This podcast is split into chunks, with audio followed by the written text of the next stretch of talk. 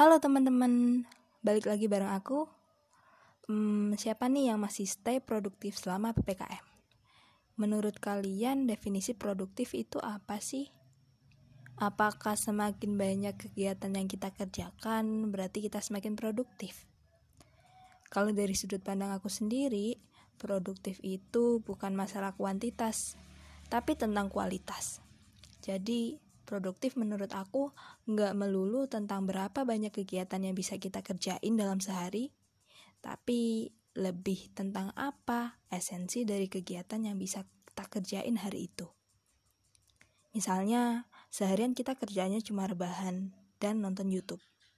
Bisa aja channel yang kita tonton justru bikin wawasan kita jadi lebih luas. It's kind of productivity, I guess.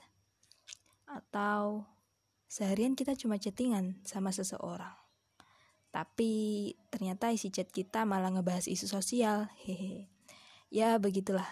Terkadang hal-hal sederhana bisa jadi bermakna, tergantung bagaimana cara kita memaknainya. Tapi tenang aja, buat kalian yang masih ngerasa gabut akut, aku punya sedikit cara untuk menjadi produktif. Yang pertama, pastiin sebelum pergi tidur kalian make a note. Kira-kira kegiatan apa sih yang mau kalian lakuin besok? Dan kenapa harus make note? Karena biasanya nih ya, kalau kita nggak punya goals of the day, kita cenderung menggabut dan sampai akhirnya seharian kita nggak ngapa-ngapain karena emang nggak tahu mau ngapain lagi kan.